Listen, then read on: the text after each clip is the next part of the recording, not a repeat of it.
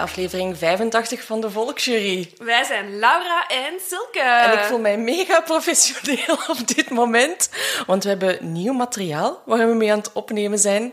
Dus eigenlijk zou alles nu nog veel beter moeten Dit klinken. zou nu perfection in... Dit zou ASMR in your ears Ja, ik ga toch even hout afkloppen dat er niks misloopt, want ik, ik vind het heel spannend. Ja, ik vind het ook heel spannend. Wie weet gaan jullie dit nooit horen. We zullen het snel weten. Hoe is het? Oh!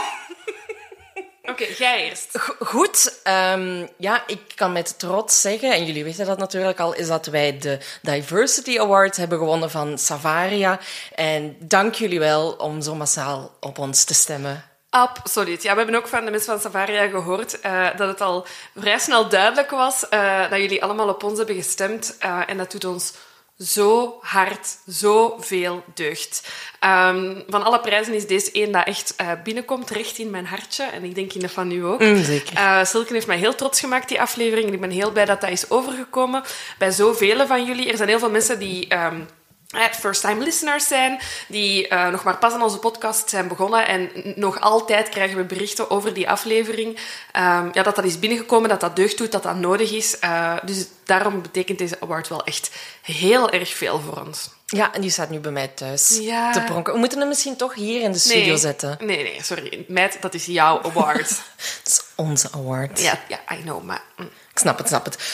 Eh, en voor de rest eigenlijk eh, goed ook. Eh, ik ben een weekendje weg geweest eh, met de vrienden. Ehm, lekker uitwaaien, goed gewandeld. Ehm, dus dat was leuk. Ehm, dat, veel meer is er eigenlijk niet gebeurd buiten dat. Maar het gaat goed met mij en met Ja. jou. Met mij, enerzijds e- echt verschrikkelijk kut. Ik heb het heel moeilijk met het nieuws. Ja, Ehm, ik, eh, voor de eerste keer, en ik heb dat echt nog nooit gehad, ik ben normaal echt een, eh, een nieuws, hoe moet ik dat zeggen, zo spons. Hè? Ik wil, als er iets opmerkelijk gebeurt in de wereld, wil ik alles lezen, alles weten. En ehm, met heel het eh, ja, fucking derde wereldoor- wereldoorlog, ik zal het zo maar noemen, ehm, ik, ik, ik kan het gewoon niet aan. Ik kan er niet over lezen, ik kan, het, ik kan er niet naar kijken. Is het omdat ik het, er geen headspace voor heb of zo, maar ik heb er heel moeilijk mee. Ja. Ehm, vooral omdat we er dan nog zo lollig hebben over zitten doen in onze afleveringen over eh, Anne Frank en zo. Maar stel je voor dat de oorlog ooit terugkomt en dan ineens is het daar. Ehm, ja, ik heb het er echt heel mo- moeilijk mee. Ik vraag me af hoe, hoe dat mensen ermee kopen. Hoe, hoe gaan jullie ermee om? Zijn er mensen die eh, coole solidariteitsacties hebben gedaan of zo? Laat het weten.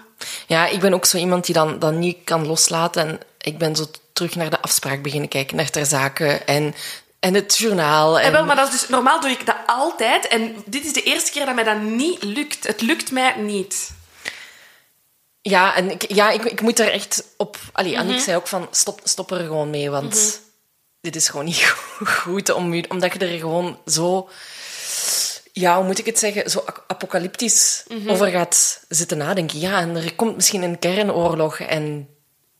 Ja, maar ja, bon, voor ons is het makkelijk om ons ervan van af te sluiten. Ja, hè. het is dat. Dus dan voel ik me natuurlijk ook wel heel privileged als ik gewoon s'avonds Netflix kan opzetten en niet moet nadenken waar ik morgen moet slapen of zo. Ja, inderdaad, Dat is, eh, inderdaad. Heel dubbel allemaal. Ehm, Verder is er heel veel true crime nieuws eh, deze week eh, tot ons gekomen. Eh, we hebben, denk ik, alle twee naar elkaar gestuurd I love DNA. Ehm, want er is een doorbraak in de zaak van Zorgjuf Mieke, hè, die ondertussen meer dan een jaar geleden met 101 messteken om het leven is gebracht. Er was nul aanleiding. Los van het feit dat er dus en DNA-materiaal was gevonden van de dader, waarvan ze wisten dat het een man was. En die man droeg heel specifieke orthopedische schoenen, maar er was geen aanknopingspunt. En nu is er toch een doorbraak, niet rechtstreeks, maar toch wel onrechtstreeks door DNA-onderzoek. hè. Ja, ja, ja. Dus, ehm, ik denk dat hij, dat hij de bui voelde hangen, hè, heb Mhm. ik gelezen. En dat hem dan toch maar gezwicht is. Hij is opgeroepen. Hè? Het is een Ja. beetje echt Jos Brecht en, en, en Nicky Verstappen. Hij was opgeropen eh, hè, omdat hij een van die eh, ex-leerlingen was om DNA af te staan. En hij heeft geweigerd. En de politie is zo slim geweest om alle weigeraars nog eens extra onder de loep te nemen. Ehm, en dan voelde hij de bui hangen. Eh, en heeft dat bekend. Maar een ex-leerling, zeg. Ja. Heel benieuwd hoe dat deze zaak zich gaat ontplooien. Ja, en wat het motief Mhm. erachter is. Want ja, dat is een zeer agressieve daad Mhm. eh, geweest. Maar goed dat ze hem hebben, dat die familie niet meer in onzekerheid leeft over... Want allee, ik denk dat heel Vlaanderen in de ban was. Er is zelfs een aflevering Ja. van Farouk geweest over, denk ik... Eh, en toen kwam dat toch naar voren met... Allee, was dat belangrijk, hè, die orthopedische Ja, schoenen. Ehm, nee, maar heel goed. Ja. I love DNA. Ja, I love DNA, voilà, hier nogmaals. Ehm, verder heb ik een echt superzalig weekend achter de rug gehad. Ah, ja. Ik kan er niet over zwijgen. Ik heb al heel het verhaal gehoord. Silke heeft het al honderd keer moeten horen. Uh, maar zoals jullie weten werk ik... Um, uh, in mijn hoofdberoep, zeg maar, um, werk ik voor een productiehuis. Uh, en het waren dit weekend de Ensors. Dat zijn een beetje de Oscars. Tuurlijk. Mm, van, van, van België. En die waren al uitgesteld. Zijn al twee jaar niet kunnen doorgaan. En de Oscars... de Oscars. Waarschijnlijk ook de Oscars. Maar de Ensors zijn berucht om de goede afterparty. en twee weken geleden kwam dan het bericht. Ja, de Ensors gaan door. En het feestje gaat door. twee weken geleden. Ja. Allee, we wisten dat de, dat de uitreiking doorging, maar niet dat er... Dat, ook een feest zou kunnen Ja, worden. en de, zo de genomineerden gingen sowieso mogen komen. Maar ja, je wilt dan de rest van het productiehuis ook uitnodigen en zo. Um, en andere mensen uit de sector. En dat was nog niet zeker. En dan twee weken geleden kwam het bericht van... Oké, okay, iedereen Leuk. mag uh, gaan. Dus dat was dit weekend. was zo leuk. Ik ga mij ook direct excuseren voor iedereen uh, die mij heeft gezien en uh, waar ik onzin heb um, over uitgekraamd, want ik was um, best wel dronken. Maar dat mag, hè? Ja. Het was een feest. Ja, het was een feest. En het mag was je zo... onzin uitkramen? Het was zo leuk. Het was echt fantastisch. Um, en dan kwam de kater, uh, letterlijk. um, want het, het was... Uh, het, ik ben... Ik heb, ja, het, ik heb, het is gewoon omdat we dit gesprek daarnet met twee al hebben gehad. Uh, ik ben bezig met een maand zonder alcohol. En de Ensors was even zo mijn... Een pauzeke. Een pauzeke. Um, en ik wil daar even iets over zeggen, over die maand zonder alcohol. Is het omdat ik in de leeftijdscategorie ben? Is het omdat ik een hetero relatie heb? Beide. Het is een combinatie van beide. Maar... Um, elke keer als ik een drankje weiger of als ik vertel dat ik uh, even niet, niet drink, krijg ik de vraag of ik zwanger ben. Um, die vraag is trouwens ook al gekomen als wij elke keer zeggen dat er zot nieuws is. Is zijn er altijd mensen die vragen of, Silke, uh, of ik in verwachting zijn. Um, en ik zou graag hebben dat dat stopt. Niet per, niet per se tegen mij, maar gewoon in het algemeen. Dat is een heel gevoelige vraag en je moet er mm. echt goed over nadenken. Bij mij is er nu op dit, geen, dit moment geen kinderwens. Ik zit ook niet in een vruchtbaarheidsrijk. Maar het zijn allemaal dingen die je niet weet als je een onschuldige vraag stelt als zeg jij zwanger of wanneer beginnen jullie aan kinderen? Ik wil daar gewoon een beetje awareness over. Ja, ja dat is goed dat je, dat je daar wat bewust van zijt. Ja. Hè? En, en we hadden het er straks daar ook over. Wij maken die fout ook. Hè? Ja. Laura zei daar straks, ja, als ik even niet weet wat ik aan mensen moet vragen. En de kindjes? Ja, tuurlijk. Dat is wat je vraagt. En Silke heeft mij de goede tip gegeven om altijd naar huisdieren te vragen. Dus dat is wat ik nu Ik denk dat je dat gewoon moet doen. Ja. Voilà. Of zo, wat is uw lievelingskleur? Dat is ook een goede vraag. Oh, ik zou dat, ik, wat is uw lievelingskleur? Uh, die verandert elk jaar. Momenteel geel. Of groen. Oh. Ik denk dat ik van geel naar groen aan het gaan ben. Toch beter dan groen. Geel? Vind ik apart. Maar niet zo lelijk geel. Ja, hier kunnen we uren over discussiëren. Uren over Goeie discussiëren. vraag, maar inderdaad, goede vraag om te stellen. Ja, voilà. Dus um, ja, dat vind ik een goede vraag. Huisdieren, lievelingskleur. Lievelingseten? Interessant. Dus kijk, opties genoeg om het kinderonderwerp ja. te vermijden. En iedereen die te nou... zeggen ze ziet rondlopen. Ja, ja, dan kun je vragen, is het uw kind? Hoe gaat het ermee? Wat doet dat kind alleen daar? Ik denk dat uw kind iets in zijn mond heeft gestoken dat niet mag. Zo vol zand. Ja. Dus, uh, nee, dus die vraag mag uh, vermeden worden. Er mag, uh, ik, ik, mag wel heel veel felicitaties krijgen over mijn maand zonder alcohol. Zeggen hoe moedig ik ben, wat een dappere vrouw oh. ik ben.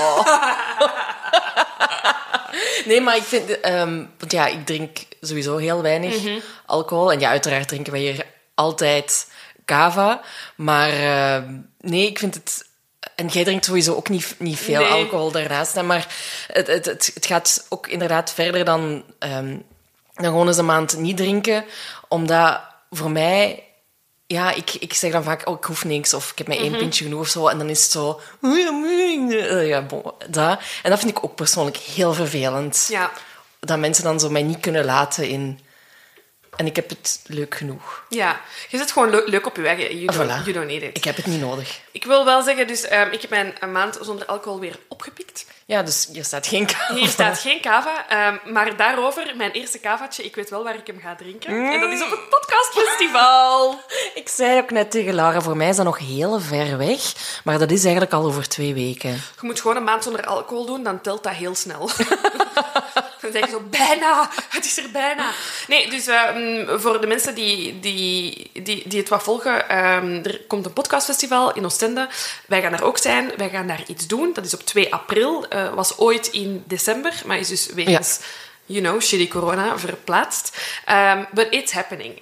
Ja, ja, want in december liggen dan nog zo heel ver weg. Och ja, pas in april. En nu zijn we daar. En nu moeten we eens goed brainstormen over wat we gaan doen. Ja. Maar uh, er zijn nog tickets, denk ik. Hè? Ja, ja, zeker. zeker. Dus kom af.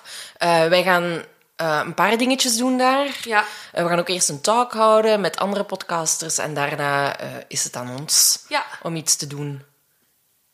Hm. Stel je voor dat wij nu zo'n circus act zouden doen. Zouden jullie blij zijn? Oh. Iets met hoepels. Mm, ik dacht ook aan hoepels en aan, ja, toch ook een olifant. Ja, zeker een olifant. Zeker een. Ja. Kijk, keep you posted wat het wordt. Um, maar allemaal zeker welkom in Oostende. Um, ik, ga... ik, vind het nu wel zo spannend. Ja, ik denk dat ik ook de vorige keer in Brugge heb ik ook echt de eerste drie minuten vijf keer gezegd hoe zenuwachtig ik was. Uh, mensen die erbij waren zullen het nog wel weten. Uh, dus heel benieuwd hoe ik mijn zenuwen onder controle ga houden. Kava, hè? Kava. Kava. Daar is de alcohol weer. Um, en dan wil ik nog één iets persoonlijk vertellen. Um, een van mijn beste vriendinnetjes, Anissa, is... Uh, als het uitkomt, al jarig geweest. Maar dat kind heeft alle pech van de wereld. Dan plaatst je alles weer in perspectief. Die heeft de vorige keer positief getest op corona uh, één dag voor nieuwjaar. En zij woont mm. alleen, dus ze heeft haar nieuwjaarsavond alleen moeten doorbrengen. Ai, ai, ai. En zij heeft vandaag weer een positieve nee. test afgelegd en zij is jarig. Dus oh. kan ze dat ook alleen vieren. Maar ik weet dat ze luistert, dus ik wil even een gelukkige verjaardag zeggen. En ik hoop dat je toch een beetje een fijne dag hebt doe je pyjama niet uit een week. En, en, en Live your best life in your pyjama. Baat in chips en dat soort dingen. Oh, heel goed. Een gelukkige verjaardag ook voor oh, mij. Heel lief. En dan heb ik nog uh, twee tips. Ja. Um, eentje die ik al heb gegeven, maar hij is nu um, op, op, op, op een hoogtepunt gekomen. De podcast Dead Eyes. Die ja. gaat over um, uh, een, een acteur die ontslagen is op de set van Band of Brothers mm -hmm. door Tom Hanks. En we zijn nu aan de seizoensfinale van seizoen 3. En Tom Hanks zit in de aflevering. Het is een gesprek van anderhalf uur met Tom Hanks over de situatie. Die podcast gaat ondertussen over veel meer. Eigenlijk echt een aanrader. Het gaat echt over ontgoochelingen op werkvlak. Um, hoe dat je daarmee moet omgaan. Uh, en ja, het zijn altijd wel showbiz-gerelateerde mensen. Maar in het algemeen leerde er heel veel over van hè, hoe dat jonge mensen met ontgoocheling omgaan, oudere mensen. Hoe dat ze terugkijken dat soms uh, hè, een job die ze niet hebben gekregen toch de, de beste andere weg heeft en, en heeft doen inslaan. Dus ik, heb er, ik, heb er, ik luister er super graag naar en ik leer er heel veel over. Ook weer zo relativeringsvermogen van hmm, dingen. Okay. Um, en, en Connor is heel um, aandoenlijk om naar te luisteren. En hij komt ook naar het podcastfestival. En we overlappen niet. Dus ja, ik ga eerst heel zenuwachtig zijn voor onze show. En dan echt schreeuwend naar hem lopen en naar zijn show Oké, okay, ik heb nog twee weken om te luisteren. Ja. Hij heeft nu in de aflevering uh, van Tom Hanks zegt hij, als je enkel die aflevering zou willen luisteren, want daar zit natuurlijk iedereen op te wachten, welke afleveringen hij vindt, welke drie dat je moet hebben gehoord om ah, ja. mee te zijn met het hele verhaal met en het hele wat de insteek is eigenlijk, um, om, om, om dan te volgen. En dan heb ik nog een tv-tip. Um, nooit gedacht dat ik dit ging zeggen, maar uh, op de VTM Go-app... Heel raar om dit te zeggen. Ja. Um, en ik vind het ook zot dat VTM Go... Uh, want ik geloof dat het ook op VTM 2 komt. Zo echt heel random. Uh, de reeks Yellow Jackets. Ja, jij hebt me daar al eens iets van gezegd. Hè? Ik ben er echt wild van. Het is zo goed. En in Amerika is het ook echt een hype geweest. Ik vermoed dat het daar iets meer aandacht heeft gekregen. Want hier, ik zie er niks van. Nee. Buiten dat het op mijn lijst stond. En ineens zag ik dat het op VTM Go stond. Um, zo goed. Zo'n goede reeks. Uh, het is zo wat... Ja, ze noemen het een horrorreeks, maar dat is het niet. Het is echt meer thriller suspense over een uh, vrouwelijk voetbalteam uit high school Amerika die um, naar de Nationals mogen gaan om daar te, te spelen. Ja, ja. En hun vliegtuig stort neer in de wildernis en ze worden niet gered. Allee, hulp komt niet aan. Dus ze moeten daar overleven. Ja, ja, ja. En er gebeuren allemaal rare dingen. En het zijn allemaal meisjes samen. allemaal tienermeisjes samen en een paar jongens en veel drama. En... Ah, een yellow jacket van reddingsvest. Nee, ze- dat, is hun, eh, dat zijn hun, hun uniform. Ah, oké. Ja, ja, ja. Oké, Oh, maar nu ben ik wel... eh, Ja, ja, en het speelt zich af in de 90s en in het heden. Hè. En dan zie je dus heel die voetbalploeg. En, en het duurt echt tot aflevering 5. Dat je en, en dat vind ik qua spanningsopbouw heel interessant. Ehm, je ziet dus die meisjes dat allemaal gestrand zijn. En Is dan- er een spoiler alert nodig? Nee, nee, nee, nee, nee. Maar je ziet een hele grote groep. En in het heden ziet je er maar vier. Dus je weet dat er nog iets gaat gebeuren. Ja, ja, allee, ja, ja, Waar ja. zijn die naartoe? Hebben die, allee, hebben die geen contact meer? Kan. Of zijn er nog mensen die gestorven zijn? En het duurt tot aflevering vijf dat je echt al één ziet weg, allee, uitvallen. En hoe dat het komt dat die er niet meer is. Ja, ah, interessant. maar er zijn er nog veel die moeten afvallen of moeten verdwijnen. Expeditie Robinson Een gewijs beetje, eigenlijk. een beetje. Maar er is geen kampvuur en er wordt niemand weggestemd. Er zijn wel veel kampvuren om zich warm te houden, maar niet... Ik zie toch nog mogelijkheden. Het zou kunnen. Ehm, dat waren mijn losse vlodders. Dan hebben we nog één dingetje, hè? En, en, en een belangrijk dingetje, want eh, we hebben deze aflevering te danken aan eh, Storytel. Eh, Storytel is eh, een applicatie waarop meer dan eh 300.000 luisterboeken en e-books staan. Eh, Storytel wil met de app een wereld creatiever, empathischer eh, maken. Met een geweldige eh, insteek door verhalen te brengen waar iedereen altijd en overal naar eh, kan luisteren. Je favoriete luisterboeken staan erop. En toch eentje. Ja. er is eentje dat echt erbovenuit springt. Oh, maar het zal wel zijn. Dat zijn wij. Wij hebben dit... eh, eh, daar- daarom dat ik heel blij ben dat zij onze, eh, Ja. dat, dat- dat zij onze aflevering sponsoren. Want ja, zoals jullie weten hebben wij ons boek zelf ingesproken voor Storytel. It Goed has- gelachen. Goed gelachen. It has been a journey. Hè. Die vraag kwam van, willen jullie een luisterboek opnemen? En zo ja, willen jullie jullie eigen boek voorlezen? It was a dream come true. Voor Silke. Ja, ik en, ik, en ik zei direct, meid, dat is, dat is intens, hè? Luister, allez, luisterboeken inspreken of gewoon iets inspreken, toekoer, met je stem bezig zijn, dat is niet zoals de podcast. Dat gaat heftig zijn. Nee, dat is echt mijn droom. Ik wil deze zo graag doen. Maar ik vond dat echt de max om te doen. Dus jullie kunnen ook op een, eh, op een andere manier naar onze zoetgevoelige stemmen luisteren. Eh, op Storytel naar Ja. ons boek. Ja, en ehm, heel tof is dat we een eh, kortingscode hebben gekregen. Namelijk, jullie kunnen 30 dagen gratis luisteren naar Storytel. En dat is door ehm, de link story.tel slash de volksjury. Ehm, we gaan die nog link- eens, eh, Ja, dus de, de link is gewoon story.tel slash de volksjury. Ehm, maar we gaan dat in de show notes van deze aflevering Wauw. zetten. Kijk, we worden professioneler. Ja, ja, dus ja, zeker doen. Ik vind het naast podcast iets heel fijn om te doen. Een boek luisteren, hè? Ja, ja. Ik zit zo vaak in de wagen en soms weet je gewoon niet meer welke podcast je wilt luisteren of maak, zit je te wachten op een aflevering. Een boekje luisteren. Ja, ik weet dat ik vroeger zo wel eens ehm, Harry Potter ben beginnen luisteren. En dat is dan Oh ook zo in audiovorm. En dat is dan ook...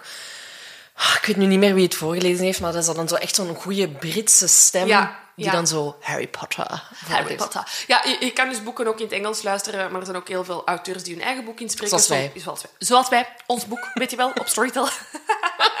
Wisten jullie al dat ons boek... Nee, maar het is gewoon, het is, het is wel heel fijn. Ik vind het eh, gewoon, hoe meer audio van ons, hoe beter eigenlijk. Natuurlijk. Zeker dat. Bo, afleveringskanaal. We gaan er eens aan beginnen. Ik zie hier op ons nieuwe toestel dat we al 19 minuten ver zijn. Ah, alle mensen die niet van de losse vlodders houden. En weet je, ik ga als laatste nog een kleine warning geven, hè, want de mol begint bijna in België. Oeh. We hebben beslist dat we dat gewoon... we hebben er lang over gedebatteerd. Wat gaan we doen? Doen we er iets apart mee? Maar we gaan gewoon in de volgende losse vlodders eh, en alles wat daarop volgt, zolang de mol loopt, daar hard over doorgaan. Ja, je weet eh, de skipknop te vinden. Gewoon doorspoelen als het u niet interesseert. En anderzijds, kijk naar de mol. Ja, volg gewoon. Ik heb nu al drie verdachten, hè, gewoon op basis van foto. Foto's. Ja, interessant. Interessant, wordt leuk. Alright, alright. Aflevering 85, hier gaan we. Hier gaan we. Ik heb eh, deze zaak gekozen en ik stel voor dat we er gewoon aan beginnen. Wat zou je psycholoog daarover zeggen dat jij deze zaak hebt gekozen? Misschien een bepaald beroep niet kiezen. We beginnen op 24 juni 1998 en we zijn opnieuw in het Verenigd Koninkrijk, eh, net zoals de vorige aflevering. We zijn meer bepaald in Hyde, dat is in Great Manchester. En ik heb vorige keer uitgelegd dat we op de borst van de draak zaten. Nu zitten we ongeveer op de poep van de draak. Kijk, dit zegt ook weer zoveel over jou. Ja? Wat zou mijn psycholoog daarover zeggen? Dat weet ik niet. Ik zal eens moeten bellen. En de 81-jarige Kathleen Grundy die wordt verwacht bij haar lokale lunchclub voor gepensioneerden. En daar maakt ze ongeveer drie keer per week de lunch klaar. Ehm, en, want ondanks haar eigen leeftijd zet Kathleen zich nog heel erg in voor leeftijdsgenoten. Ehm, zoals eigenlijk, ja, wat dat, wat dat ook... eh, opmerkelijk is, is dat ze ooit nog de first lady van Hyde is geweest. Hè. Dus haar man is burgemeester geweest. Hè. Dus ze is wel een persoon met aanzien in de Ze is een community. celebrity. Exact. En Angela Woodruff, dat is haar dochter, die omschrijft haar moeder als een levendige, gelukkige, praatgrage persoon. En dat ze zich eigenlijk maar 60 jaar voelt. Hè? Dus eigenlijk een vrouw in de fleur van haar leven, krijg ik die indruk. En ehm, ja, twee van haar collega's die vinden het dan ook heel raar als Kathleen niet opduikt op die brunch, op die lunch. En ze gaan naar haar huis. En ze kunnen eigenlijk zo naar binnen. De deur was open. En ehm, ja, daar treffen ze om vijf voor twaalf 's middags Kathleen dood aan. Ze zit in haar zetel in de woonkamer. Ze is volledig aangekleed. Ehm, maar ja, ze, ze leeft niet meer. En er wordt onmiddellijk een dokter bijgehaald, uiteraard. Maar die kan alleen maar haar overlijden vaststellen. En die zegt, ja, de reden dat ze gestorven is, is gewoon ouderdom. Ja, things happen. Ja, inderdaad. Mens is ook al 81 jaar natuurlijk. Hè? Maar Ja. de dochter Angela en haar echtgenoot Phil, die hebben zoiets van... Allee, die zijn compleet in shock, want hè, we zeiden net, Fleur van haar leven ging nog heel veel dingen doen en helpen. Ja. Ehm, dus hoe kan het dat zij van ouderdom gestorven is? Ja. Maar bon, Kathleen wordt begraven, er komen honderden mensen naar die begrafenis. afscheid te nemen. Het is inderdaad een shock, maar je moet dat even verwerken. Exact, exact. En eh, voor de mensen die al iemand verloren zijn, daar komt eerst die begrafenis bij te kijken. En dan volgt heel de fucking administratie. Ja, ja. Want Kathleen heeft een woning, die heeft best wel wat centjes, hè, want haar echtgenoot, eh, ja, als burgemeester zal die niet slecht geboerd hebben. Ehm, dus het is tijd voor de erfenis. Eh, noodzakelijk kwaad. Bo, in dit geval zal het wel niet zijn tegengevallen. Eh, er zal geen schuldenberg zijn. Pas die... op, wie weet wat voor lijken er nog uit de kast vallen. Mm, nee, nee, nee. Ehm, dus eh Kathleen... eh, ehm, Kathleen, Angela. Angela, ik wou zeggen Kathleen, haar dochter. Dus Angela, ehm, ja, wordt, dat is daar niet een notaris. Hè. Je kunt daar... dat is zijn eigenlijk bureaus hè, bij wie dat je je testament kunt aangeven. Ik geloof dat een notaris echt een Belgische uitvinding... Allee, of toch in de Ja. constructie dat wij kennen. Ehm, dus Angela wordt gecontacteerd ehm, door het, eh, ja, ja, het, bedrijf, allee, het bedrijf, ja, het bureau zeg maar, eh, dat de, de, het testament van eh Kathleen heeft. En die zeggen, goh... Allee, zo, zo beeld ik mij dit weet ik niet, ik, dit verzin ik. Goh, Angela, zet u even. Dus ehm, ja, wij hebben hier papieren ehm, van uw moeder. En eh, ja, we gaan, het- we gaan zeggen gelijk dat is. Jij erft niks. En Angela heeft zoiets van, hè, begint dan toch na te denken over die schuldenberg of zo. Goh ja, nee, het zit eigenlijk zo. eh, dus zowel het huis als het geld, wat toch over bijna 350.000 pond ging, plus een woning in een mooie residentiële wijk. Ja, ze gaat dat na- nalaten aan meneer dokter. Ah ja. Ah ja. En Angela denkt, oké, maar alle alarmbellen. Hè? Het is echt alarm, alarm, alarm. Want allee, ze heeft zoiets van, mijn moeder was toch niet aan het dementeren? Hoe kan dat dat dit, twee, allee, dat dit testament er is? En ehm, ze trekt ermee naar de politie eigenlijk. Ja. Hè? Want het, dit, dit kan gewoon niet. En die ruiken eigenlijk ook meteen onraad eh, bij, de bij de politie. En die beslissen eigenlijk heel drastisch om, eh, om het lichaam van eh Kathleen op te graven. Ja. En ze gaan dat onderzoeken. Ja.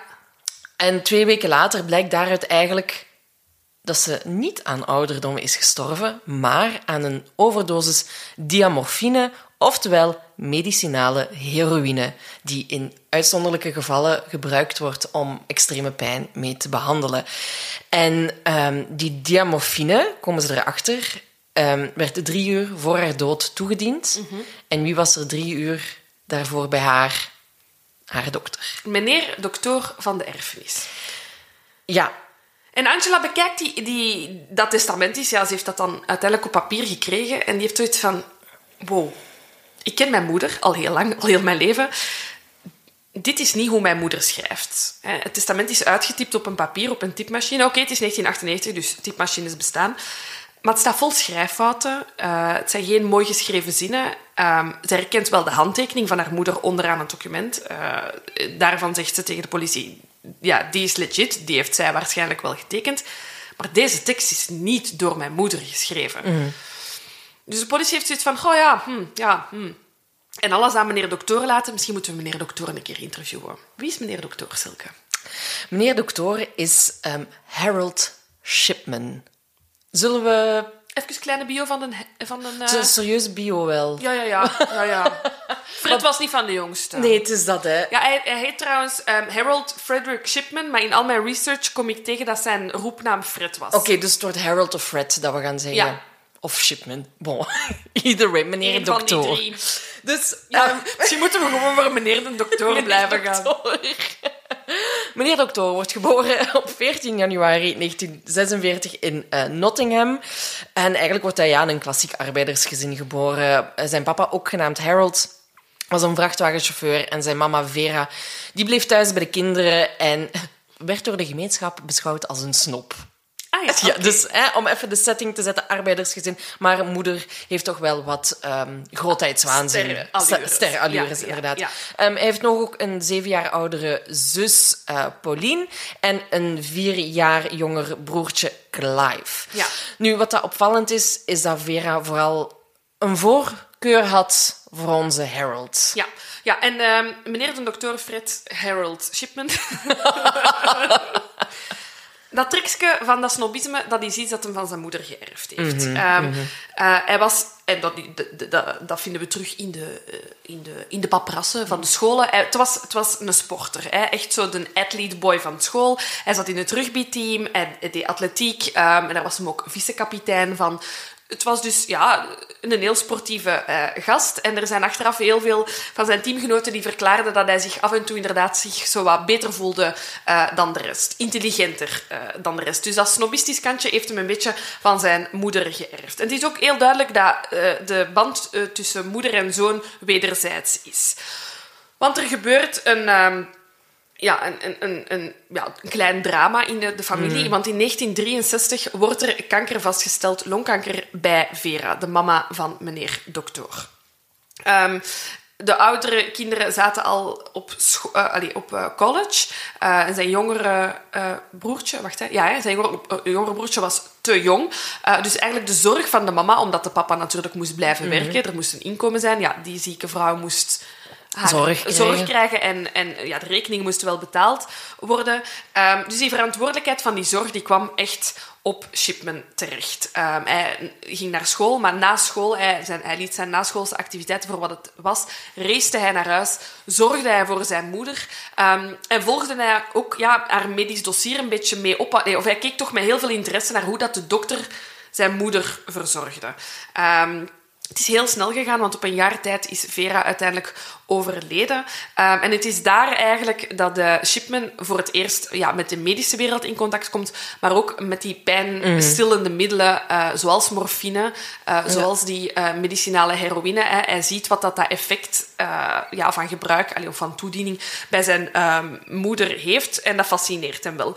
Dus eigenlijk is niemand echt verbaasd als hij na zijn middelbare school dan ook kiest om voor arts te gaan studeren. Ik heb hier wel nog opgeschreven dat hij nog voor zijn studies getrouwd is met zijn high school sweetheart Primrose. Hoe Brits kan uw naam zijn? Ja, inderdaad. En uh, ze zijn getrouwd. Hij was, denk ik, 19 en zij 17. Um, in, in 66, denk ik. Uh, omdat zij dan ook al vijf maanden zwanger bleek te zijn. Kijk. Dus meneer de Anatomie, dat had hem al begrepen. exact, dat, exact. Dat, daar, had, daar had hem al een pre- een pre-lesje van gehad. exact. Zijn SOA is niet meer nodig. Nee, nee, nee, nee. Seksuele opvoeding geslaagd. Het is ook deze week de week van de lentekriebels van zijn SOA. Die inzetten op um, anticonceptie. Dus Ja. bij deze laat dit een voorbeeld zijn. Dus hij, vangt die, hij wil zijn studies aanvangen. Hij doet zoals je hier moet doen, een toelatingsexamen, maar hij slaagt niet. En er wordt gezegd dat hij in het, in het middelbaar hè, heel goede punten behaalde en dergelijke. Um, maar um, ja, dat dat nu wat tegenviel.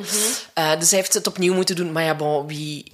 Er zijn veel mensen die een toelatingsexamen opnieuw moeten een doen. tweede kans. Dus eh, no judgment there at all. Maar hij was gewoon heel erg eh, gedetermineerd om geneeskunde te gaan studeren. Dus het lukt hem dan ook uiteindelijk. om- En wat dat ook heel nobel is, hè, zeker inderdaad met, de, met, allee, met wat dat je hebt meegemaakt met de moeder, dat je dan zoiets hebt van ik wil ook zorg kunnen toedienen, voelt wel, allee, het voelt wel juist aan in dit verhaal. Ja, inderdaad. En hij wordt dan uiteindelijk geaccepteerd eh, op de Universiteit van Leeds om, om geneeskunde te gaan studeren. En dan uiteindelijk eh, in... ehm, Vijf jaar later, in 1970, eh, als hij 24 is, studeert hij af en is hij klaar om aan zijn carrière te beginnen. Ehm, ik weet nog dat hij... Allee, ik heb nog gevonden dat hij een jaar later... Ik weet nog. Ik weet, ik weet nog goed. Ik weet nog goed in 1970. Jij vampier? Nee, wat wat doen papier? Het is een kat. Nee, sorry, toen was jij echt min 30. Ja, inderdaad. inderdaad. Ik zat nog goed veilig. In de Nee. baarmoeder van... 30 jaar in de baarmoeder. Goed. Misschien moeten wij ook Ik nog heb even wel een een... tof weetje. Ja. Ehm, ik heb daarvoor, allee, ik ben daar, pas- voor, het is gewoon een bedenking, maar voor min 30 baarmoeder. Ehm, als, eh, als, als kind heb je ook in de baarmoeder van je grootmoeder gezeten. Want je wordt geboren als vrouw met al je eicellen. Dus uw moeder als baby Ah, ja? had al haar eicellen, including you, op het moment van zwak. Allee, van zwak. Dus je hebt ook nog in de buik van je grootmoeder gezeten. What a mindfuck. Dat wou ik even. Dus het kan. Je, je waart misschien wel al ergens. Ergens existing. Ja. Goed, eh, we gaan gewoon verder. Ja. Hij krijgt dus, zoals ik erbij was, een jaar later, eh, krijgt hij ook zijn erkenning van dokter. Eh, en in 1972, eh, allee, hij is goed op dreef, behaalt hij dan ook nog eens een diploma om voor kindergeneeskunde.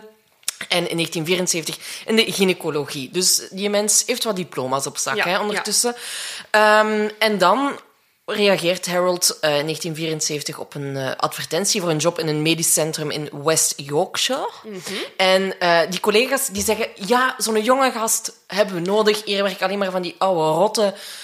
We hebben een frisse wind nodig. Dus hij wordt met veel allee, tromgroffel en trompet Binnengehaald, schal, ja. eh, binnengehaald.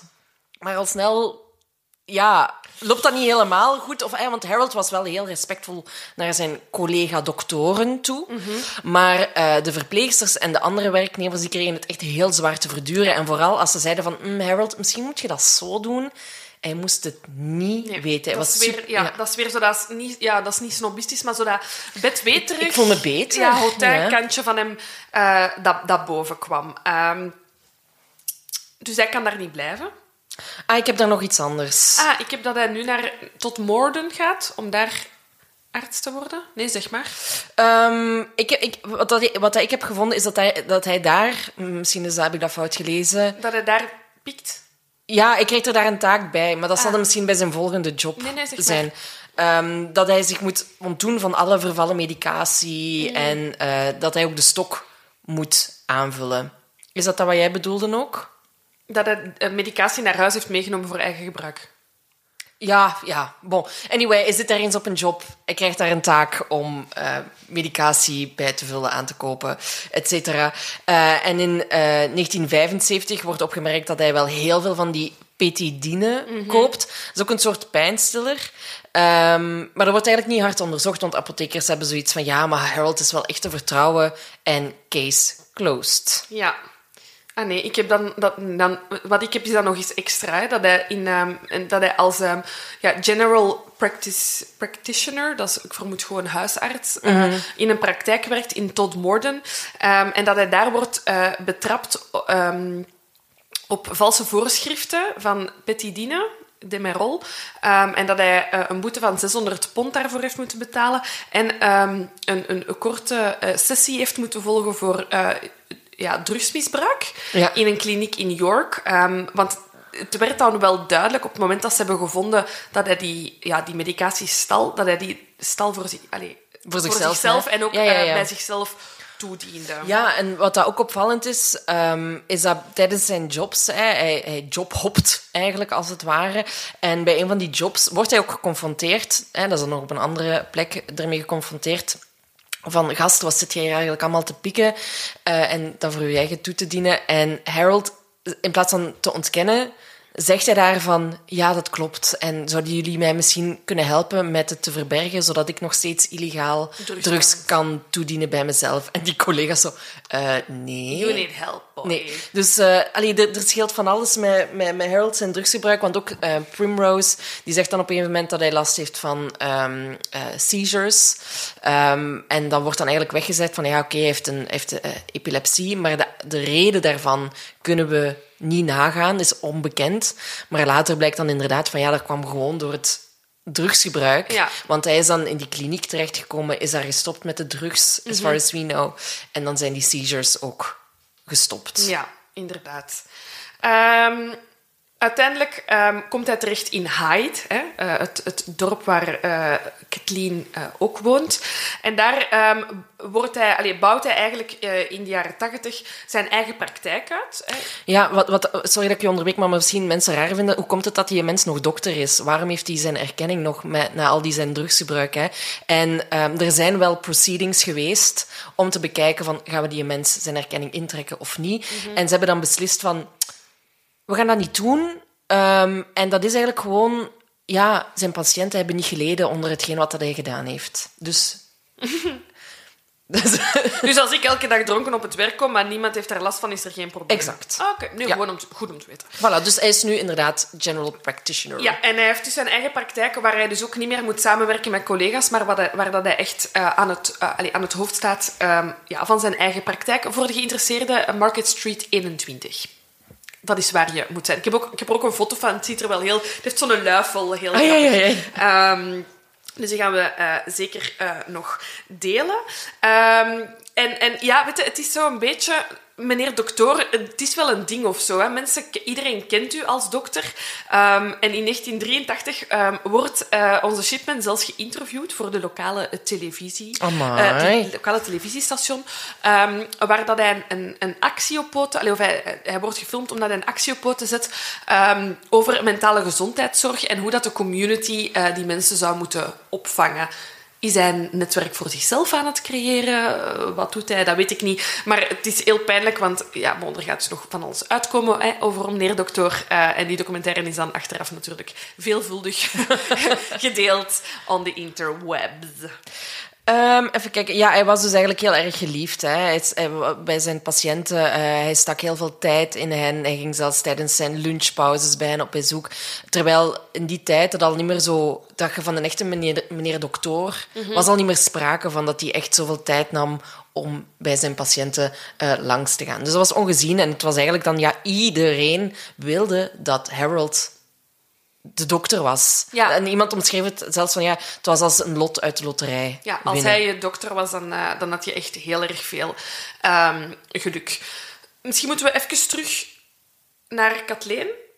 Ah, ik heb nog een eerste verdenking. Ah ja, maar dus ik wou nog eens even recap. Ah, ja? Gewoon recap om te zeggen, hè, want we zijn er nu een beetje aan het ophemelen, maar niet vergeten dat, de, dat, dat onze Harold de dokter is hè, die de, erfen, allez, de erfgenaam ja. van Kathleen is en die heroïne die gevonden, gevonden wordt in het uh, lichaam van Kathleen. En inderdaad, zul ik het nu op mijn papier staan. Nee, maar ik, ik dacht, ik ga dat... Tuurlijk, tuurlijk, die tuurlijk. eerste beschuldigingen die komen eigenlijk vrij snel, hè? Ja, ik, heb, ik, heb, ik ben in 1998... Ik vind dat snel, want ik bedoel, zes maanden later... Ja, zo op die manier ja. snel. Ja, ja, want ik bedoel, hij is al dokter van... Ja, maar het, het, het, het, verhaal gaan we nu even upspeeden. Dat, ja. ja. misschien heb ik het verkeerd... Nee, maar ik ben mee. We Zijn gaan... jullie nog mee? Kan iemand iets, kan iemand iets luisteren? Onze DM's. Is iedereen nog mee? We zijn in maart 98. Ja. En uh, we hebben Linda Reynolds. En zij werkt voor de Brook Surgery in, in Hyde. En zij heeft toch zo haar... Ja, zij voelt, zij voelt de vibe niet bij Harold. En zij gaat eigenlijk naar de, de lokale lijkschouwer. En ze zegt van, ja zeg, die in Harold die heeft wel nogal veel doodcertificaten, overlijdenscertificaten dat hij moet uh, ondertekenen. En dat gaat dan vaak over crematies. En zij heeft het over 31 uh, formulieren die hij mm -hmm. heeft ingevuld voor voornamelijk oudere vrouwen. Uh, daar, waar, waarvan hij toestemming moest geven van ja, ze mogen gecremeerd worden, dit is te overlijden, Ja. dit is de manier waarop ze gestorven zijn. En inderdaad, er waren een heel groot deel vrouwelijk die ja, zowel eh, die alleen leefden of alleen zijn gevonden. En die nog in goede gezondheid verkeerden. En wat dat ook blijkt, zegt Linda, of wat dat zij verdacht vindt, is dat Harold wel altijd ja, of aanwezig was bij de dood, Hij bij het er overlijden, bij. of ehm, hij ontdekte dat zijn patiënt gestorven was. Ehm, dus ja, de, de lijkschouwer en, en Linda naar eh, de politie. Klacht wordt niet serieus genomen en er wordt helemaal geen onderzoek verricht. En de zaak wordt afgesloten. Ja, op 17 Typisch. april, dus echt minder dan een maand later was het al zo van... Ja. Bye, Linda. Ja. Dit is echt... Laat, laat hem leren dokter voor wie hij is. Ja, en dan Kathleen, Mhm. die, hè, haar dochter Angela, stapt naar, naar de politie.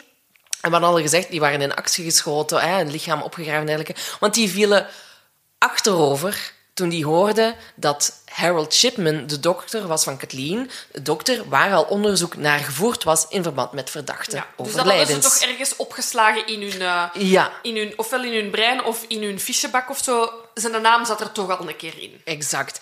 Ehm, dus ja, de politie denkt van oké, nu gaan we alle actes van overlijden van Harold onder de loep nemen.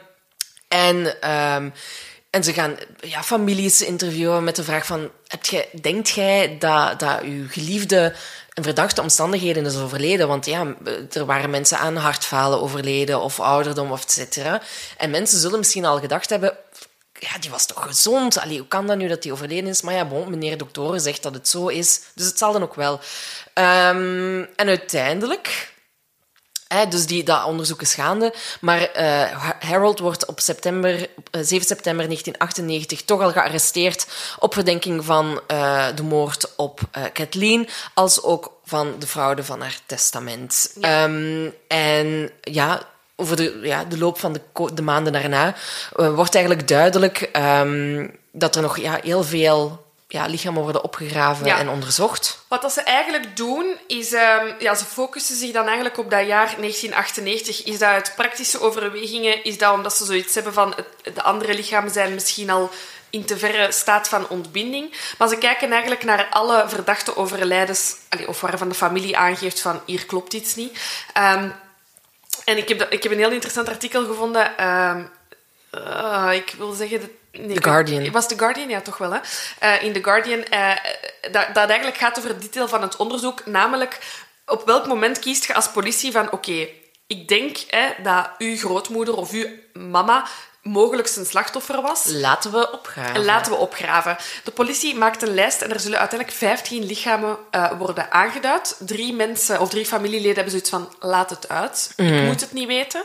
En er worden 12 lichamen opgegraven. Hè. En dat, de artikel, artikel van eh, The Guardian vertelt echt over die opgravingen. Hè. Eh, meneer Pastoor was Ja. daarbij om, te- om alles in goede banen te leiden. Ehm daaronder, dus die, die opgravingen waren onaangekondigd, zodat er ja, niet te veel pottenkijkers waren. Dat gebeurde in het midden van de nacht. Ja, om vier uur s'nachts of zo. Ja, hè, ja. omdat ze schrik hadden ja, dat er ja, één mensen gingen komen Pers. kijken. Of pers ging zijn, of dat er een andere begrafenis bezig was. Oh my god, stel je voor. One in, one up. Allee, ja, snapte dat je zo... eh, hè, jij je vader in de grond aan het steken en naast het graf van je vader wordt er iemand opgegraven. Ehm, maar ze hebben dus eh, uiteindelijk twaalf lichamen eh, opgegraven. En de meneer Pastoor had al stip gegeven, en daar hebben ze zich ook aan gehouden, om zo efficiënt mogelijk te werken. Namelijk opgraven en binnen de 24 uur terug in de grond, zodat Keigoed. het lijkske er niks van merkt. Of hij zou zich omkeren in zijn graf. In zijn grap, ja. Mocht niet. Nee, ehm, maar dus eh, meneer Pastoor was er eh, bij en ehm, hij heeft daar dan ook over getuigd. Iedereen die dat eh, betrokken was bij de opgravingen had heel de tijd het ongemakkelijke gevoel alsof dat je iets verkeerd aan het doen was. Ja. Maar je moest het wel doen, maar het voelde voor ons allemaal heel fout aan en dat gaf wel heel veel stress natuurlijk. Ja, dus dat kan ik, dat kan ik wel ja, begrijpen. Ehm, dus die twaalf lichamen worden eh, opgegraven. ehm, en ja, van, van die alle twaalf hebben ze kunnen vaststellen eh, dat er opnieuw eh, die medische heroïne ehm, ja, in, in het lichaam wordt teruggevonden. Het zet zich blijkbaar vast in je spierweefsel. Dus zolang Ah, ja. dat er spierweefsel is, kunnen ze dat detecteren. Ik vermoed dat dat de reden is. Ik weet niet hoe Ah, snel ja. spieren afsterven, maar dat ze daarom zich geconcentreerd hebben op dat jaar 98. Ehm, maar er was dus genoeg bewijs. Hè. Er waren zeker twaalf fysieke bewijzen.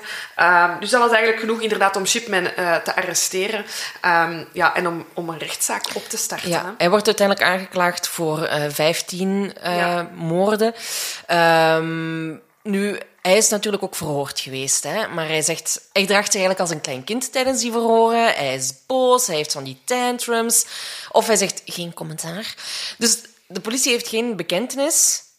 En heeft dus, ja, hij moet zo naar die rechtszaak. Hè? Wat dat spannend is, ja. hè? Want um, ik weet niet wat de statistieken in het dorpje Hyde in Groot-Brittannië zijn, maar voor hetzelfde geld hebben die 15 personen een heroïneverslaving. Ja, wie weet, zo'n residentiële wijk is een goede dekmantel. Je weet het niet, hè? Of al die oudjes zijn zoiets van... Fuck it, ja, leven, is pensioen, bitches. Uh, ja. leven is bijna gedaan. YOLO, doing all the drugs in the world.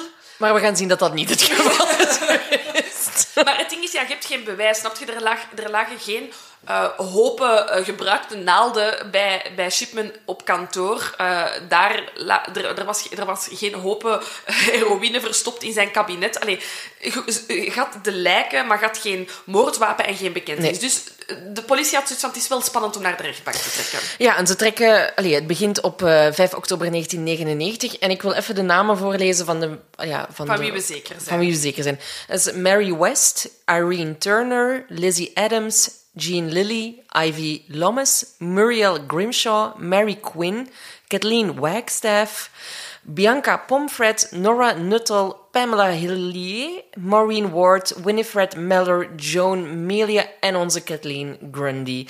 En um, ze hebben nog geprobeerd om de zaak van Kathleen te scheiden van de andere zaak, omdat daar ook die fraude bij betrokken was en dergelijke, maar uh, dat uh, werkt niet. En dan, ja, natuurlijk begint de aanklager hè, met zijn argumenten. En die stellen dat Harold zijn patiënten heeft gedood gewoon voor de thrill. Want los inderdaad van dat geen bewijsmateriaal, er is geen motief. Hè? Allee, nee. Of het is moeilijk om een motief te vinden. Ja, inderdaad. Want je hebt natuurlijk eh, heel dat gedoe met dat wat... Allee, gedoe, heel die trieste affaire met wat er met zijn moeder is gebeurd. Hij heeft dat gezien. Heeft hij, was hij inderdaad van het idee, ik, ik verlos die mensen uit hun lijden. Maar bon, die mensen waren niet ziek. Niemand daarvan heeft aangegeven. Of was hij zodanig, eh, door zijn eigen drugsgebruik ook... Mm -hmm. Zo, ja, wou wij die mensen hetzelfde geven of, of wou wij, kikte hij daarop. Dus dat is niet duidelijk het nee. motief. Vooral omdat hij ook geen bekentenissen heeft uh, nee. gedaan. Um, ja, en uh, voor de aanklager is natuurlijk het belangrijkste element die opgravingen en de toxicologische uh, rapporten die daaruit zijn gekomen en dergelijke meer. En um, ja, ze komen ook eigenlijk. Allee, ik heb hier nog twee uh, voorbeelden van, van feiten die hij heeft gepleegd bij Jean Lilly en Mary West. Um, Jean Lilly was 59. Jong, hè? Jong, ja, inderdaad. Jonger dan mijn ouders. Ja. ja. Bizar. Ja. Amai, zo had ik het nog niet bekeken. Ja, ja, ja. ja. Uh, en um, haar buurvrouw, Elizabeth Hunter heeft gezien hoe dat Harold het huis van Jean heeft uh, verlaten, echt recht allez, na zijn bezoek aan haar.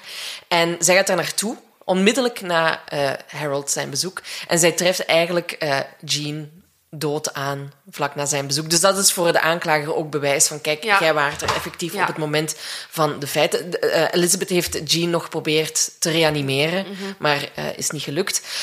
Um, en dan, ja, amai, dat had hij zelf waarschijnlijk ook niet verwacht. Dat is de case van uh, Mary West. Heel goed, hè? Amai. Maar dat, maar dat dat toen niet gealarmeerd is, is vind nee. ik heel raar. Nee, dus hij gaat uh, op visite bij uh, Mary West, op dat moment 81 jaar.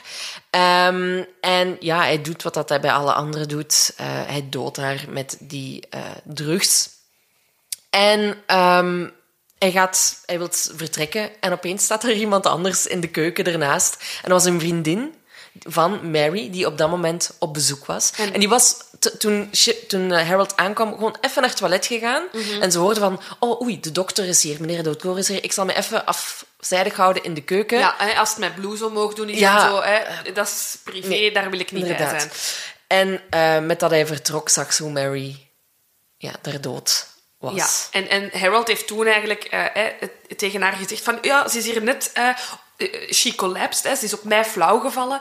Ehm, en dan zouden ze samen een poging tot reanimatie hebben gedaan. Maar ja, dat is uiteraard ehm, niet gelukt. Wat ik nog wil zeggen over de case van Kathleen, is dat we natuurlijk met dat ehm, getypt document zaten. Hè. Dus haar testament is uitgetypt op een... op een typemachine. Ehm, en die typemachine kan eigenlijk, allee, of het blad eh, van het testament kan eigenlijk ge- gelinkt worden aan de typemachine die in het kantoor stond eh, van meneer de dokter. Ja, ik vermoed dat dat is zo ja, bepaalde letters die bepaalde afdrukken maken en Ja. dat je dan kunt zeggen van oké. eh, dus dat was een ehm 100% match met de typemachine. Ehm, en ze, ja, ze zijn eigenlijk eh, mensen beginnen bev- be- bevragen. Want ja, er moet een moment geweest zijn dat Kathleen dat document heeft ondertekend. Hè? Ja. Ehm, en, en zo blijkt eh, dat er op dat moment, eh, dat zijn getuigen die achteraf naar voren zijn gekomen, twee mensen eigenlijk in de wachtkamer eh, zaten. Ehm, en ehm, eh, ik, eh, het lijkt ook dat de dokter zichzelf ook wou indekken. Ehm, want eh, Harold heeft op dat moment eigenlijk aan die twee mensen in de wachtzaal gezegd eh, van kunnen jullie even komen kijken, want Kathleen gaat iets tekenen in verband met bloedonderzoek. Ehm, ik moet hier getuigen van hebben dat ik haar niet onder druk heb gezet om dit te laten tekenen. Dus die mensen kijken en ze zien hoe dat Kathleen een document handtekent. Wat dat dan blijkbaar achteraf dat vervalste testament zal zijn. Dus Kathleen heeft dat niet gelezen. Ehm, met dat ik dit zeg, besef ik dat ik vandaag echt drie documenten heb getekend die ik niet heb nagelezen. Oh, Maar jij ook, zo? ik moet dat nog doen. Ah. Het is voor... Is in voor de volksjury. Oké, shit, misschien... Leest jij dat na? dat is goed. Dat we onze organen niet verkopen. We zullen zien, hè. We zullen zien wat er nu gebeurt. Nee, Ehm, dus het, er is, het, het is, dit is een beetje zoals ons interview met chef Vermassa. Hij zou zeggen, heel veel indirect bewijs en dat vormt samen één groot direct bewijs. Ja, inderdaad. Ehm, dan is de beurt aan de verdediging. Ah ja, wat ik ook nog wil zeggen over de zaak van Kathleen. Dat is de enige zaak waarbij dat ze weten dat hij effectief uit was op geld. Hè? Ja. Dat op het testament heeft Ja. vervalst en zo. Bij alle anderen was dat niet het Nee, geval. en dat is eigenlijk... ehm, maar dat wou ik misschien subiet nog vertellen Oh ja. met de bodycount. Nee, maar we kunnen dat nu doen. Hè, want ehm, we weten van die 15 mensen in 1998, namelijk die ze hebben opgegraven, daar zijn ze zeker van. Maar ze zijn dan natuurlijk tijdens het onderzoek ook beginnen vragen van... Ja, bedoel, die mens is 30 jaar dokter geweest. Zijn er niet nog mensen die zoiets hebben van hier klopte iets niet. Ehm, en er is een inschatting gemaakt dat hij eh, meer dan 250 mensen zou hebben eh, vermoord. Maar ja, dat kunnen ze natuurlijk niet weten. Maar er zijn gewoon 250 eh, nabestaanden eigenlijk die hebben aangegeven van ehm, ja, ik denk ehm, Ja, zelfs veel meer. Ze hebben 888 eh, op het einde van deze rechtszaak. Ah, zo, van excuseer. 250. Ja, maar het is waar ze wacht gezegd. Oké. Ja, ja. maar zullen we zelfs nog even verder op ingaan. Maar om nu terug te komen, want dat is weer het hele motiefverhaal. Ehm, er, zijn, er is ook een psychiatrisch onderzoek gebeurd met hem. En het, het zit inderdaad die vraag meer van hoe komt het dan dat hij enkel bij Kathleen voor die erf is, was dat een uitzonderlijk grote erfenis. Ehm, maar er, zijn, er is een discussie binnen de, het psychiatrisch onderzoek dat er, dat er de ene helft zegt van ja, hij heeft dat gewoon gedaan omdat hij het beu was. Hij wou gevonden worden. En hij, hij heeft zoveel gemoord zonder gevat geweest te zijn. Het was voor hem nu, hij ging bijna met pensioen. Hij kon het niet... Alleen, en enerzijds zeggen ze van, hij kon het niet meer aan en hij wou gevat worden. Of allee, hij wou het risico... Ja, er was voor hem niks spannends meer aan. Hij heeft zoveel mensen ge- gemoord. Hij wou gewoon zien hoe ver hij het nog kon drijven. Of hij wou gevat worden. Ja. Eh, dus dat is zo'n beetje de ene kant, terwijl anderen zoiets hebben van... Nee, hij was megalomaan en eh, het kon hem Ja. niet schelen. Maar het is wel een interessante... Ja, waarom enkel nu met die erfenis? Ja, inderdaad. Interessant. Interessant. Het is aan de beurt aan de verdediging. Mhm. En die hebben natuurlijk geen gemakkelijke taak om hè, alles te weer, weerleggen. Maar die baseren zich, we zijn natuurlijk 1998, en die zeggen, ja, hallo, al die technieken, hoe, hoe, om, die, om dat te testen... Hoe hè, betrouwbaar is dit? hoe betrouwbaar kan het zijn? Want zelfs ehm, de forensisch eh, toxicoloog die is komen getuigen, of die daar toen mee bezig was, die heeft zelfs gezegd van ja, dit is breaking new ground met wat we aan het doen zijn. Dus dat is natuurlijk wel eh, ideaal voor de verdediging om zoiets eh, te zeggen. En dan, hè, we hebben het al gehad van ja, hij was altijd aanwezig op het moment dat de patiënt gestorven was of gevonden werd. En ehm, hij, de verdediging zegt, ja, dat is gewoon puur toeval. Hè. Die mens ging altijd naar zijn patiënt. Hij was er altijd. Tuurlijk, Zo'n goede dokter. tuurlijk gaat je er dan bij zijn. Dus, bon. het is maar te bekijken hoe Ja, dat je dat, ja, hoe ja, dat, je dat ja. invult. En dan ook, ehm, even kijken... Ja, dus hè, hoe komt het dat die mens zoveel drugs altijd had en zo? Ja, hij was gewoon vergeetachtig. Hè. Natuurlijk vergeet je als mens een keer eens iets weg te gooien. Of vergeet je... Het is tegen het einde van zijn loopbaan, jongen. Of je dient iets verkeerd toe. ja. Zo van die dingen werden er allemaal door eh, de verdediging Ze uitgekraamd. moesten niets zeggen. Zulke... Ja, en ook over die doodsoorzaak. Hè, want hij zei dan, de ene was een hartstilstand, de andere een longontsteking. Wat dat ook raar was, want als je een longontsteking hebt, dan zit je al langer ziek en valt je niet zomaar dood neer. Met ouderdom, hè, sterven van ouderdom ook, daar wordt eigenlijk mee bedoeld dat op langere termijn je organen allemaal aan het falen zijn. Dus al die mensen zouden, weet ik veel, nierfalen moeten gehad hebben of wat dan ook. Er is allemaal geen sprake van. En hierover zegt de verdediging dan ook, ja, dat was, hij was gewoon fout. Hij had zich gewoon vergist. Het Gewoon, kan- eigenlijk was het gewoon een slechte dokter. Heel lief en hij bedoelde het allemaal goed, maar eh, hij kon het niet. Daar Stel het- je voor dat je dat zo... eh, eh, Leven of dood en zo... Uw dokter, hij bedoelt het goed, hè, maar niet echt het beste. Dat wilde niet horen, hè? Nee, nee, nee. En ja, ze overtuigen de jury niet. Nee, Want, ja, doe maar. In- op 31 januari 2000... Ja, zes- Millennium Bug. Eh, zeker. Nee, dat hebben ze het allemaal overleefd. Ehm, na zes dagen van deliberatie... Zes dagen van deliberatie, vind ik lang. Oh, oh. Ja. Beslist de jury ehm, dat Chipman schuldig is van 15 moorden en dat hij ook schuldig is ehm, eenmaal voor ja, eh, vervalsing van geschriften, hè, van het testament. Ehm, en ze raden hem eigenlijk aan om ehm, levenslang te geven maal 15. Dus per moord. Ehm, ehm, met, de, eh, met op aanraden dat hij ook nooit meer zou kunnen vrijkomen. Ja, dat is wel duidelijk als je hem 15 keer levenslang wilt geven. Ehm, en dan komt er nog een jaartje, eh, nee, komt er nog vier jaar extra straf bij voor die vervalsing in het testament. Dus 15 keer levenslang plus 4. Plus vier. Gewoon to be sure. Ja, hè. ja, ja. Voor moest hij, ik weet niet, uit de doden herreizen of zo. Ehm, en op het moment dat hij dan eigenlijk ja, wordt veroordeeld, ehm, was hij ehm, een van de... Hè, omdat ze dan aan die 250 zaten, was hij al een van de grootste seriemoordenaars in het Verenigd Koninkrijk. Ja, en hij is ook de enige dokter in de Britse geneeskundegeschiedenis die schuldig is bevonden voor het vermoorden van zijn eh, patiënten. En ondertussen, eh, we zijn daar even uit het overlozen, Primrose heeft al die tijd aan de zijde van haar man gestaan. Is iets voor te zeggen. Ja.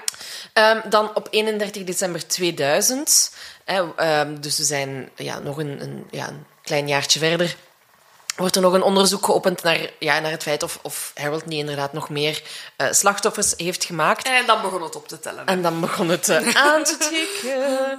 Ehm, dus eh, er waren 888 cases, sterfgevallen, die werden onderzocht. Ehm, en daarvan werden er 394 meteen afgesloten, die geen eh, onmiddellijk verband hadden met eh, Harold. En 493 waren, werden zeer zorgvuldig eh, onderzocht. Er is er dus over zo aangereden door een auto. Maar ze hebben zeker dat hij niet werd bestuurd door Shipman. inderdaad, inderdaad. Ehm, en dan ja, zijn er inderdaad eh, 200... eh, wat heb ik hier? Ik heb hier 215 staan. Dat is een eerste... Nee, want eh, aan het eind van de rechtszaak had ik dat ze al aan Ja. 250 zaten. Bon, 250, ik zal het verkeerd op hebben geschreven. Eh, dus die bevestigd zijn. En zijn eerste moord zou dus dateren van 17 maart 1975. En zijn laatste, Kathleen, was in 1998. Dat is een tijdje bezig geweest. Hè? En zijn eerste moord zou, eh, of was, ja, we weten niet of dat er ervoor nog misschien iets heeft gedaan, was Eva Lyons. Zij was 70 jaar en ja, zij, had, eh, zij was terminaal, zij had kanker. En op eh, 17 maart 1975 heeft Harold haar laat in de avond eh, een bezoekje gebracht. Ehm, haar man was daarbij. Die was in de kamer toen Harold haar een dodelijke injectie heeft gegeven. Maar kijk, jij voelt je misselijk. We bellen de dokter, die komt naar, u- naar ons en die zegt tegen mij: Ik ga aspirine in. Die... Ja, maar haar man getuigt... Allee, hij vermoedt eigenlijk dat, hij, dat Shipman haar had geholpen. Dus ik denk dat hij er het kwaad niet van inzag. Omdat hij Mhm. Ah, wist dat van... Ja, maar ik weet niet... Er staat niet bij of dat, dat in overleg is gebeurd of niet. Ja, maar ja, ik ja. denk het niet, want hij, hij vermoedde dat het zo zou zijn. Ehm, ja, dus dat is zijn eerste Nee, maar dat wil ik ook zeggen. En dat is, allee, dat is, dat is absurd. En ehm, eh, dat is ook echt iets... Je begint altijd meer en meer op je moeder te lijken. En ik begin dan nu zo... Van ons, ons moeder is een mega hypochonder. Ehm, en dat is zo... Mijn mama is de vrouw van de second opinions. Ja. Hè? Eh, dus die gaan naar een dokter en dan gaat hij naar nog een andere dokter in een ander ziekenhuis voor een tweede mening. Wat ik altijd ik. absurd vind, maar dan denk ik, ja, maar nu snap ik het. Allee, maar wij leggen ons... Je geeft al je vertrouwen aan een En arts, dat zijn hè? ook maar mensen, hè? Ja, want dat is niet eens die hun fout, hè. Die hebben ik, heel lang gestudeerd voor iets, maar als je mij nu een examen laat doen van eender welk vak dat ik ooit heb afgelegd, ik, kan, ik haal 0 op 20. Nul. Letterlijk ik weet nul, zelfs grammatica, nul. Dus ja, je geeft heel veel... Allee, waarmee ik, sorry, alle artsen die naar ons luisteren, love y'all. Echt, love y'all. Jullie betekenen heel veel voor onze maatschappij. Maar het zijn inderdaad ook maar mensen. En bon, Shipman is duidelijk een monster, laten we daar eerlijk over zijn. Maar ja, als, als, als, als een arts mij morgen iets geeft, ik ga dat niet nakijken. Ik ken daar niks van. Nee, tuurlijk. Dokters, ik vertrouw ze niet meer, sorry. And that's how she became an anti En dan... Ja, ja, ja, inderdaad. Even Willem Engel. Ik heb een vraag. Ehm, dan ben ik in 2004. Ja, 13 januari. ik ben bij je. Ben je mee? Je bent erbij. Eh, en het is de vooravond van de 58ste verjaardag van ehm, meneer dokter. Ondertussen vier jaar in de gevangenis. Stak het hem tegen na vier jaar? Wou hij niet oud sterven? Vond hij 58 goed? Besefte hij eindelijk dat hij 15 keer levenslang had gekregen? Plus het- vier. Plus vier. We gaan het nooit weten. Maar die dag eh, heeft hij zichzelf opgehangen met de beddenlakens eh, in zijn cel. Ehm, en dat heeft hij niet overleefd. Ik heb een paar redenen gevonden waarom dat hij het zou hebben kunnen... Allee, hè, de, Degene die ik heb opgesomd vond je niet goed? Ook, maar ik heb nog een, een Nee, nee, aanvulling. Al, maar je hebt Nee, nee, altijd aanvullingen. Laat maar. Ik wil, give it to me. Give it Dus to me. inderdaad, hij heeft al die jaren controle gehad over leven en dood. Mhm. Heeft hij de controle in eigen handen willen nemen. En zo daarom zelfdoding gepleegd. Maar, nu komt Primrose weer in beeld. Want Mhm. als hij zou sterven na zijn zestigste, zou Primrose geen recht hebben op zijn pensioen. Of op haar Mhm. pensioen.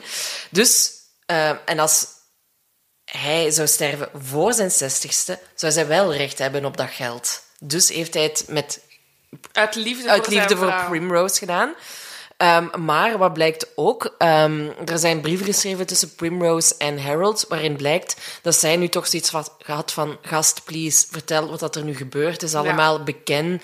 Dus misschien dat hij ook zoiets had van, shit, mijn allerlaatste steun verlaat mij, het hoeft voor mij niet meer. Ja.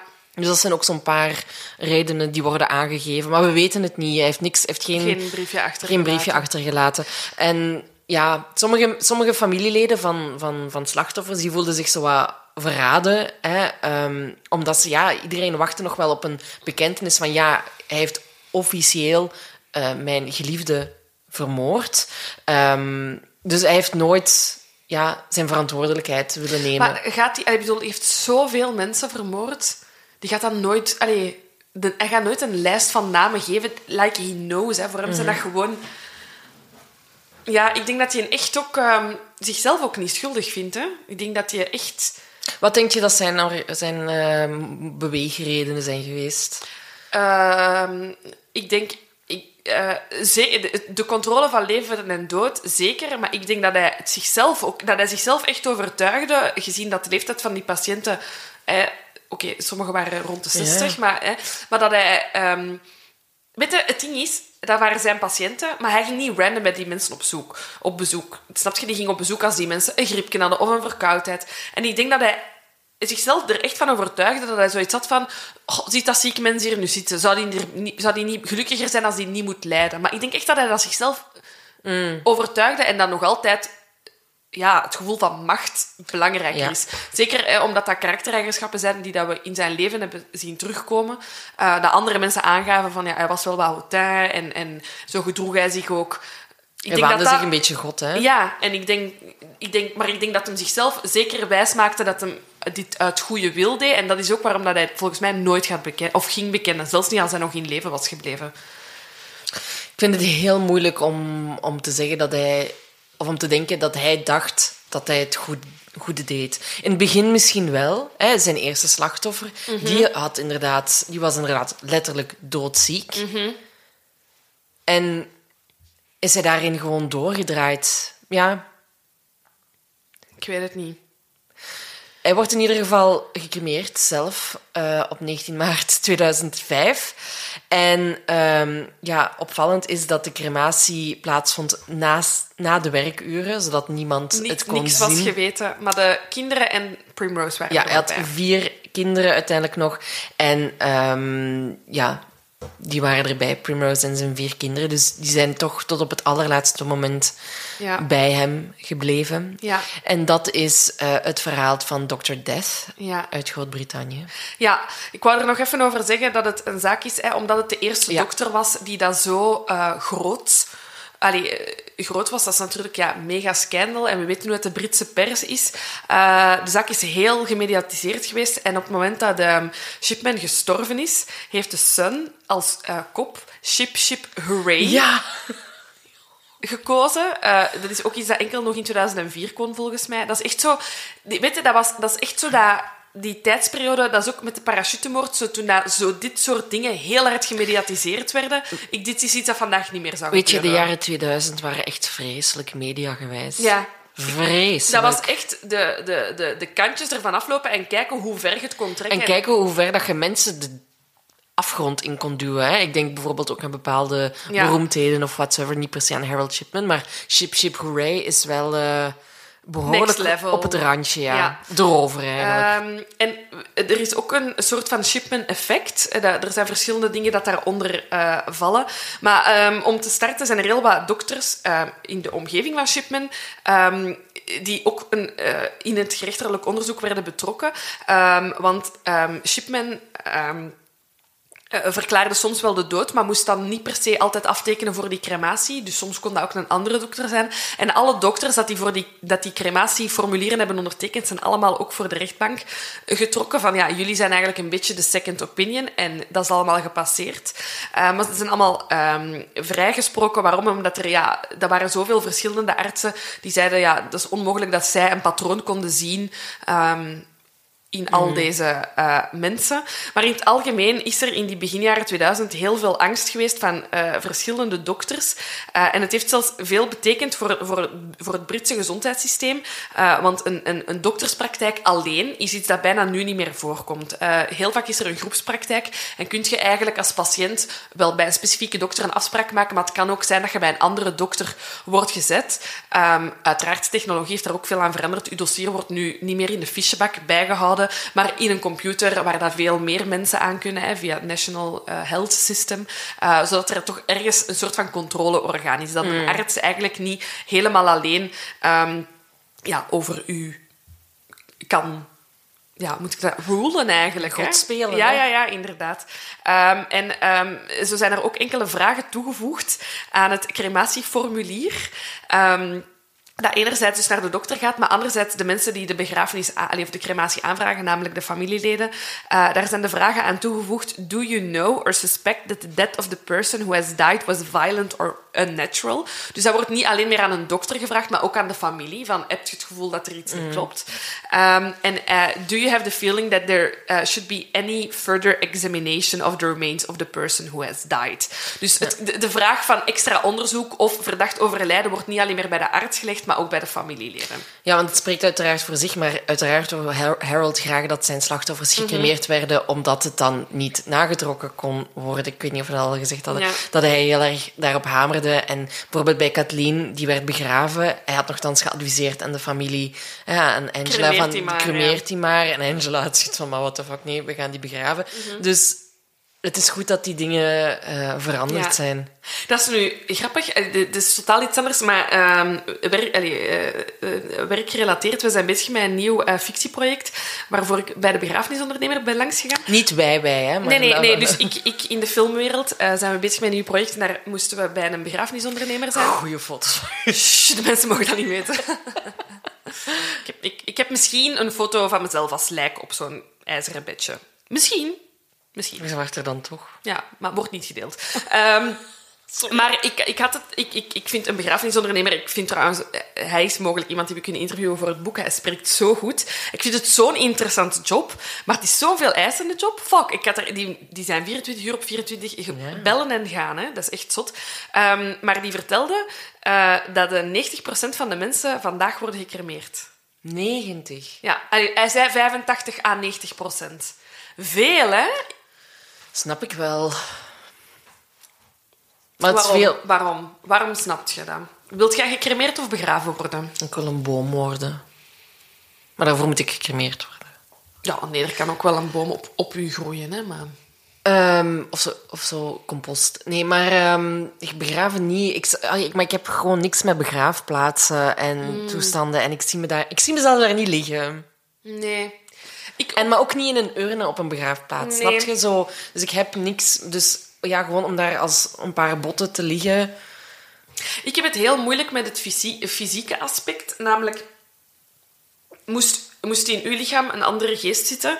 ehm, dan zouden wij misschien samen deze podcast niet hebben. Dus ik, het is, voor mij gaat het niet over uw lichaam of zo. Ehm, en ik heb ja. zelf heel wat mensen die op een begraafplaats liggen.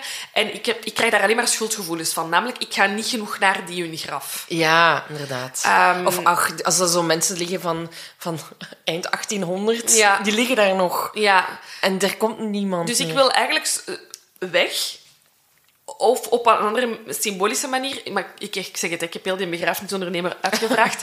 Ehm, want mijn, mijn ouders bijvoorbeeld, die willen graag in de zee gestrooid Ja, worden. mijn mama ook. Ehm, omdat je dan elke keer denkt, als je aan die... allee, dan moet je, je moet daar geen bloemen gaan leggen, maar als je aan de zee bent, denk je daaraan. Over, overal waar dat je je voet niet in het water steekt, heb je zoiets van, ah, misschien de teen van mijn moeder aan het aanraken, wie weet. Ja, ja, Ehm, ja, ja, ja. eh, en dat vind ik wel een heel schoon idee. 800 euro kost dat met een boot, met de familie. Prima. De zee in. Nee, maar eh, mijn mama wil dat ook heel graag. Ik heb er ook al aan gedacht van, ik wil eh, uitgestort worden in de zee. Ja, N- Ja, sorry, niet op een begraafplaats. nee. Nee. Nee, dus ja, ik vond, maar ik vond dat wel een interessante bedenking dat er zoveel mensen tegenwoordig worden gecremeerd. Ja, is veel. Maar ik, ja, daarom dus dat ik zeg dat ik het snap. Ja. Zo, dit was Harold, Harold Shipman. Harold Freddy Shipman. Ja, ja. Ik, had, ik, had er, ik, had, eh, ik ben hem toevallig, toevallig tegengekomen. Ja, want en, als je, ehm, ik kende hem niet. En eh, ja, ik vond het gewoon interessant omdat we dit nog niet hadden gedaan. Hè. Er zijn heel veel dokters en verplegers Ja. die dit soort zaken hebben gedaan. Ja, en we weten dat vaak ver, allee, vergiftiging, want dit is eigenlijk een beetje wat je doet. Hè. Als je iemand een overdosis eh, eh, indient, dat dat iets heel vrouwelijk is. Hè. Ehm, ja, dus ik, vind, ik vond het een heel interessante zaak. Dat is graag gedaan. En gaan jullie, gaan jullie nu anders naar jullie huisarts gaan? Ik, we hebben er drie in onze groepspraktijk en ik ga nu voor elk kwaaltje dat ik heb naar alle drie. Ja. voilà. Second opinion, please. Third. en dan ben ik pas goed. Wat is dat dat jij gaat? Ik wil gewoon wat bloed. Ik wil... Nee, nee, jij krijgt mijn bloed niet. Nee, voilà. Dus eh, neem het mee. Neem het mee. Second opinion is altijd goed. Oh, Sabine zou zo trots zijn op u. Deze was hem dan. Salutjes. Bye!